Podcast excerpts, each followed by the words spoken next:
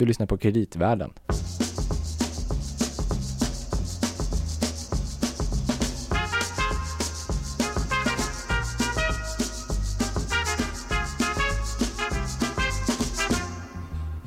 Varmt välkommen till det första avsnittet av Kreditvärlden. Jag sitter med Louis Landeman, chef för kreditanalysen på Danske Bank Markets. Hallå Gabriel. Och jag själv, som ni nu hörde, heter Gabriel. Eh, Jag jobbar som kreditanalytiker på Danske Bank Markets. Eh, Vi har tänkt att ta dig som lyssnar på en odyssé genom kreditmarknaden och mer specifikt det som rör företagsobligationer. Eh, Nu tänker nog kanske några lyssnare, yes, äntligen är det någon som tar tag i det här fantastiska ämnet. Jag tycker det låter superspännande. Ja, jag förstår det. Men andra kanske redan har hunnit sträcka sig efter stoppknappen och då vill jag bara säga, vänta lite. Vänta lite. För att det här är ju faktiskt väldigt spännande. Eh, eller, vänta Louis, vad var det som var så bra eller så intressant? Ja, men får jag ställa några frågor till dig då Gabriel? Ja, Har du, det kan ju bli lite personligt i och för sig, men ja, ja, ja, om du, får, du får svara om du vill. Ja. Har du bolån? ja det har jag. Du har det? Okej. Mm. Har du några pengar kanske på ett sparkonto också? Ja, det har jag faktiskt. Det har ja. du? Mm. Ja. Kanske, nu är du ganska ung, men har du börjat pensionsspara? Jo, men det gör jag. Absolut. Eller framförallt, min, jag får ju pensionssparande genom min arbetsgivare till exempel. Lite grann? Ja, man det är många som Ja. får. Och sen sista fråga då. Uh, använder du ibland kanske någon kommunal eller statlig tjänst? Har det hänt? Ja, faktiskt varje dag. Varje dag? Ja. Jag åker buss fram och tillbaka. Ja. Jag betalar i och för sig för den varje månad. Men... Ja men då, utan att tänka på det så tycker man att du borde kanske kunna vara ganska intresserad av det här med vad kreditmarknaden är. Alltså, vänta nu. nu jag är intresserad av kreditmarknaden för jag, det är mitt, jag jobbar ju med det här. Ja just det. Men vad har de här frågorna med mitt intresse för kreditmarknaden att? Jo men det är ju så här att ehm, kreditmarknaden är ju en väldigt stor marknad eh, och det är ju på den här marknaden som både företag, banker, eh, kommuner och även staterna själva faktiskt får sin finansiering. Så att hur mycket du får betala i bolån och vad du får på ditt sparkonto och även vad du får kvar förhoppningsvis en dag i pension. Eh, det beror ju väldigt mycket på hur det går på den här kreditmarknaden. Mm. För det är där alla de här aktörerna faktiskt får sina pengar och betala dig med. Mm.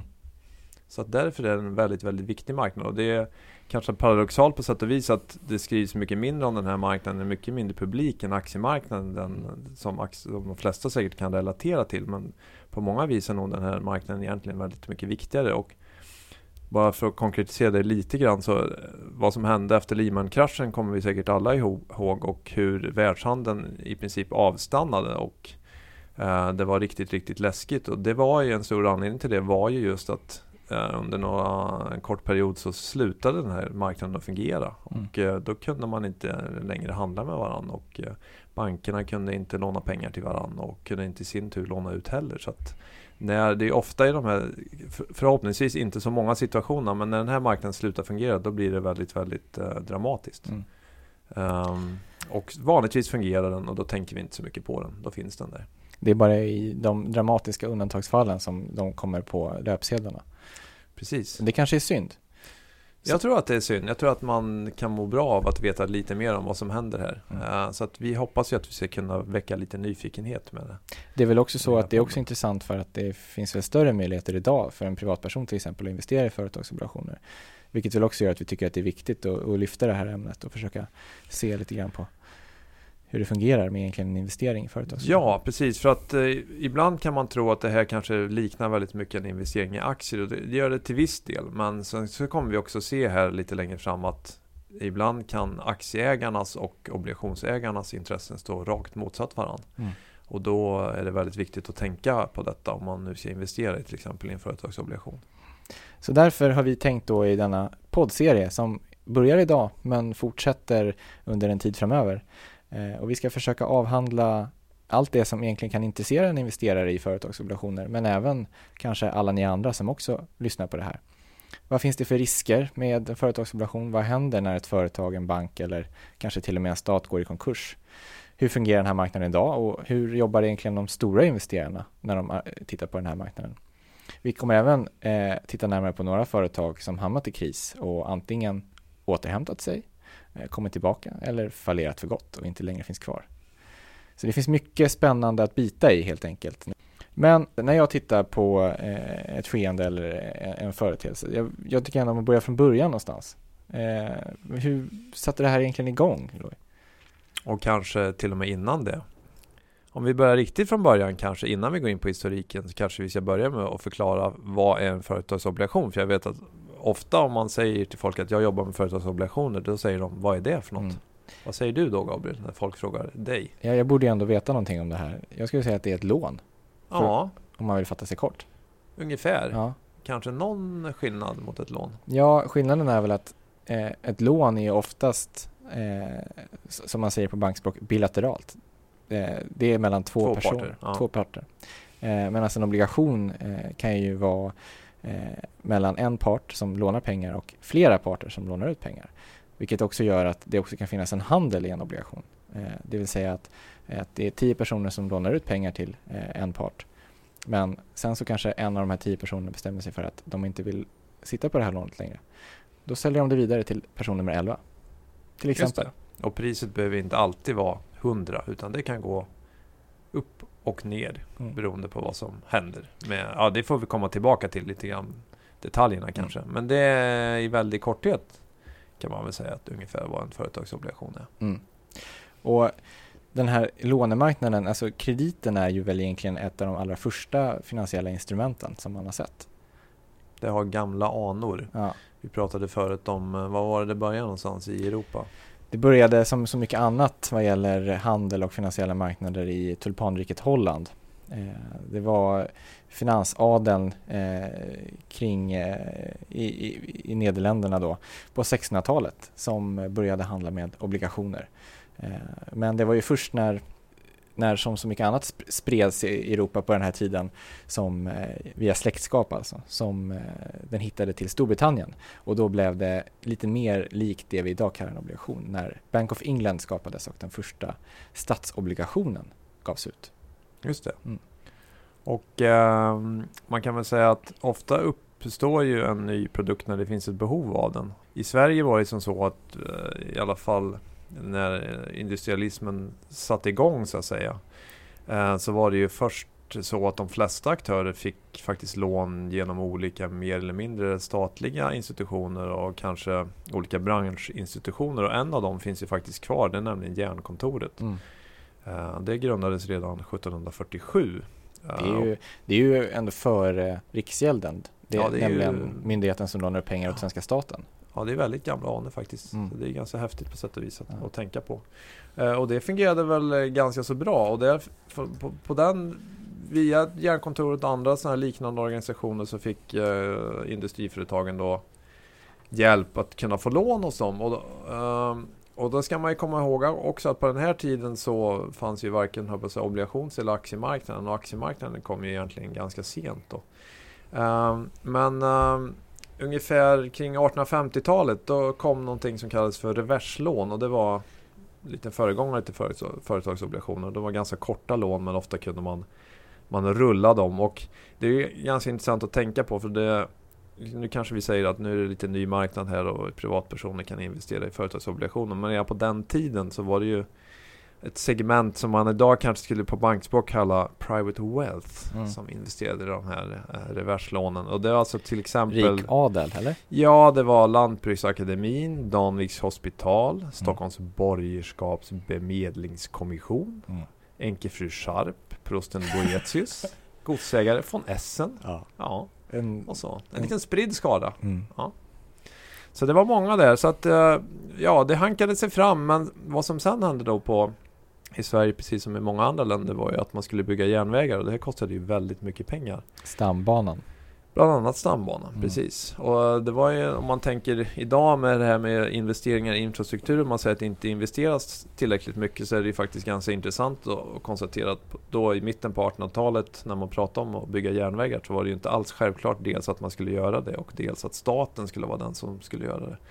Det var en väldigt livlig debatt och man diskuterade även kring är det så bra att staten tar så mycket lån och vad händer om en massa utlänningar, arga engelsmän kommer och får inte betalt för de här lånen. Kanske de kommer med krigsskepp till, till Sverige för att kräva tillbaka sina pengar.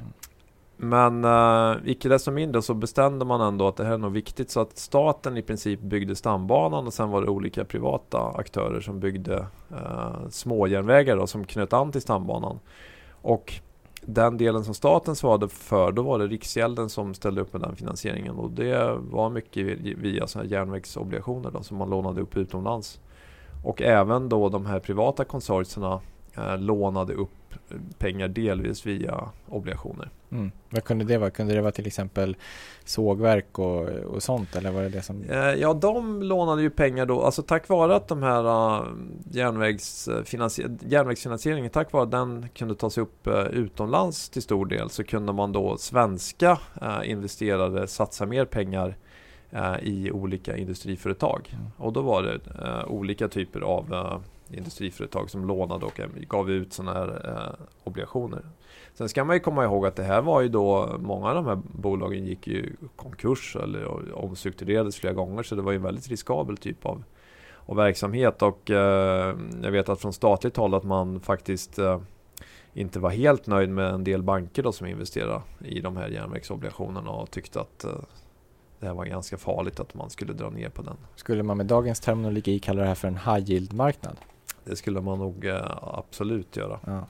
Vi kommer tillbaka till exakt vad high yield kan innebära och riskerna med det. Men, men det här låter ju nästan som att det var eh, liksom en lätt kreditgivning. Då tänker man nästan på vad som hände här för några år sedan innan Lehman.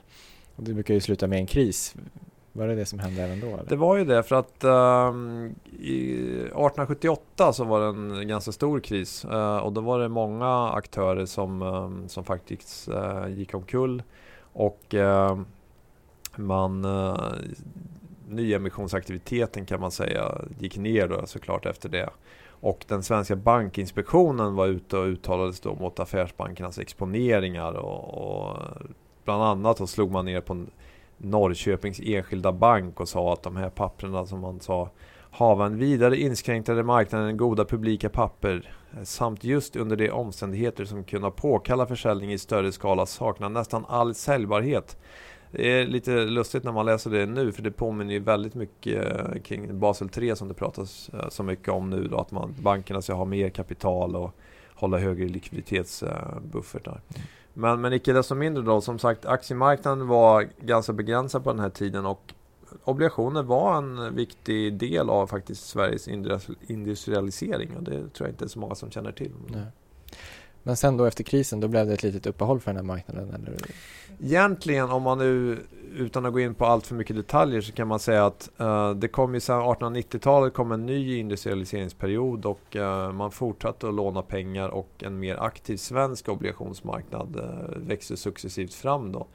Och sen så gick det ju på det stora hela taget ganska bra och självklart 1920-talet var väldigt stor optimism. Sen så vet vi ju att på 30-talet i början så hade vi den här berömda Krügerkraschen. Mm. Hade han också gett ut företagsobligationer? Lite grann. Ja. Det var ju mest eh, aktier av de här participating debentures. Men han hade faktiskt också gjort um, ett obligationslån då um, på 50 miljoner dollar. Eh, och det var ju en, såklart en ganska lång process att göra den här rekonstruktionen av hela Kryger-koncernen. Eh, men på det stora hela så överlevde ju trots allt eh, i slutändan de flesta av de här bolagen och man kunde rädda dem. Så att, om man tittar på marknaden sen så var det faktiskt så att i slutet på 30-talet så var det en väldigt, väldigt stark eh, kreditmarknad. Ehm, bolag kunde låna pengar väldigt billigt. Vi pratar alltså om 20-30-åriga löptider på en ränta kring 3 mm. Och det är också väldigt intressant om man tänker på nu att alla säger att räntan är så låg. Så har vi faktiskt också sett den här typen av perioder också tidigare. Så att inget nytt uh, under solen kan man nästan säga. Mm. Så att sen vad som egentligen hände var att um, den här marknaden var ändå rätt aktiv fram till in på 50-talet och där var det egentligen andra saker som gjorde att den krympte. Och det var mer att statens intresse av att kunna låna upp mer pengar på egen hand och att även det fanns ett stort investeringsbehov inom fastighetssektorn och det lite trängde ut den här företagsobligationsmarknaden. Då blev den väldigt reglerad och det var Riksbanken fick bestämma då till exempel hur och när bolag skulle få låna och även bestämde räntan. Och då mm. kan man säga att då försvann marknaden väldigt mycket fram till 70 och 80-talet när man sedan gradvis började öppna upp den igen. Mm. In, i, som en del av de stora kreditmarknadsavregleringarna som man pratat så mycket om. Exakt, ja. precis. Vilket väl också var en internationell trend.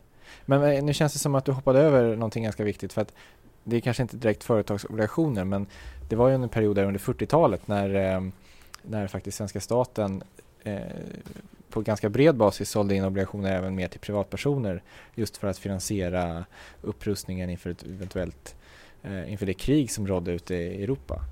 Var det inte så att man hade till och med ganska nymodiga marknadsföringsmetoder där? Jo men så var det absolut. Det var en period där man eh, såg att eh, det kanske fanns intresse att man skulle försöka öka allmänhetens intresse av att eh, låna pengar eller förlåt, att låna ut pengar till staten eftersom man såg de här behoven som du säger att man behövde. Nästan ett patriotiskt. Liksom. Ja, exakt. Och den här patriotismen spelar man väldigt, väldigt mycket på. Så man skrev bland annat en, eh, 1940 en sång som hette Obligationsmarschen. Uh, ska, vi, ska vi bara lyssna lite kort på ja, hur lite, det lät? Vi kan lyssna lite grann på ja. den, den är ganska rolig faktiskt. Kom med, kom med bland gäss och kor till Tomme lilla postkontor och stå med oss i kö. Här ligger slätten, vid och skor och vetet rivs och livet gror i sockerbetens frö.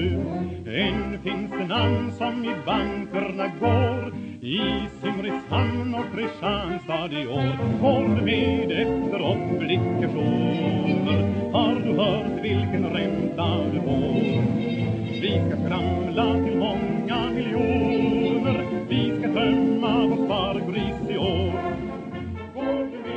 Så att där, där hade vi faktiskt eh, en, en, kort period när allmänheten var lite mer uh, involverad i uh, det här med statsobligationer. Men det är egentligen på det stora hela taget lite av en parentes då. Utan för det mesta så har den här marknaden varit mer riktad mot de här stora institutionerna, försäkringsbolag och fonder och sådär. Och det är väl säkert också därför som man som vanlig privatperson så att säga oftast inte känner till så mycket av den här marknaden. Mm.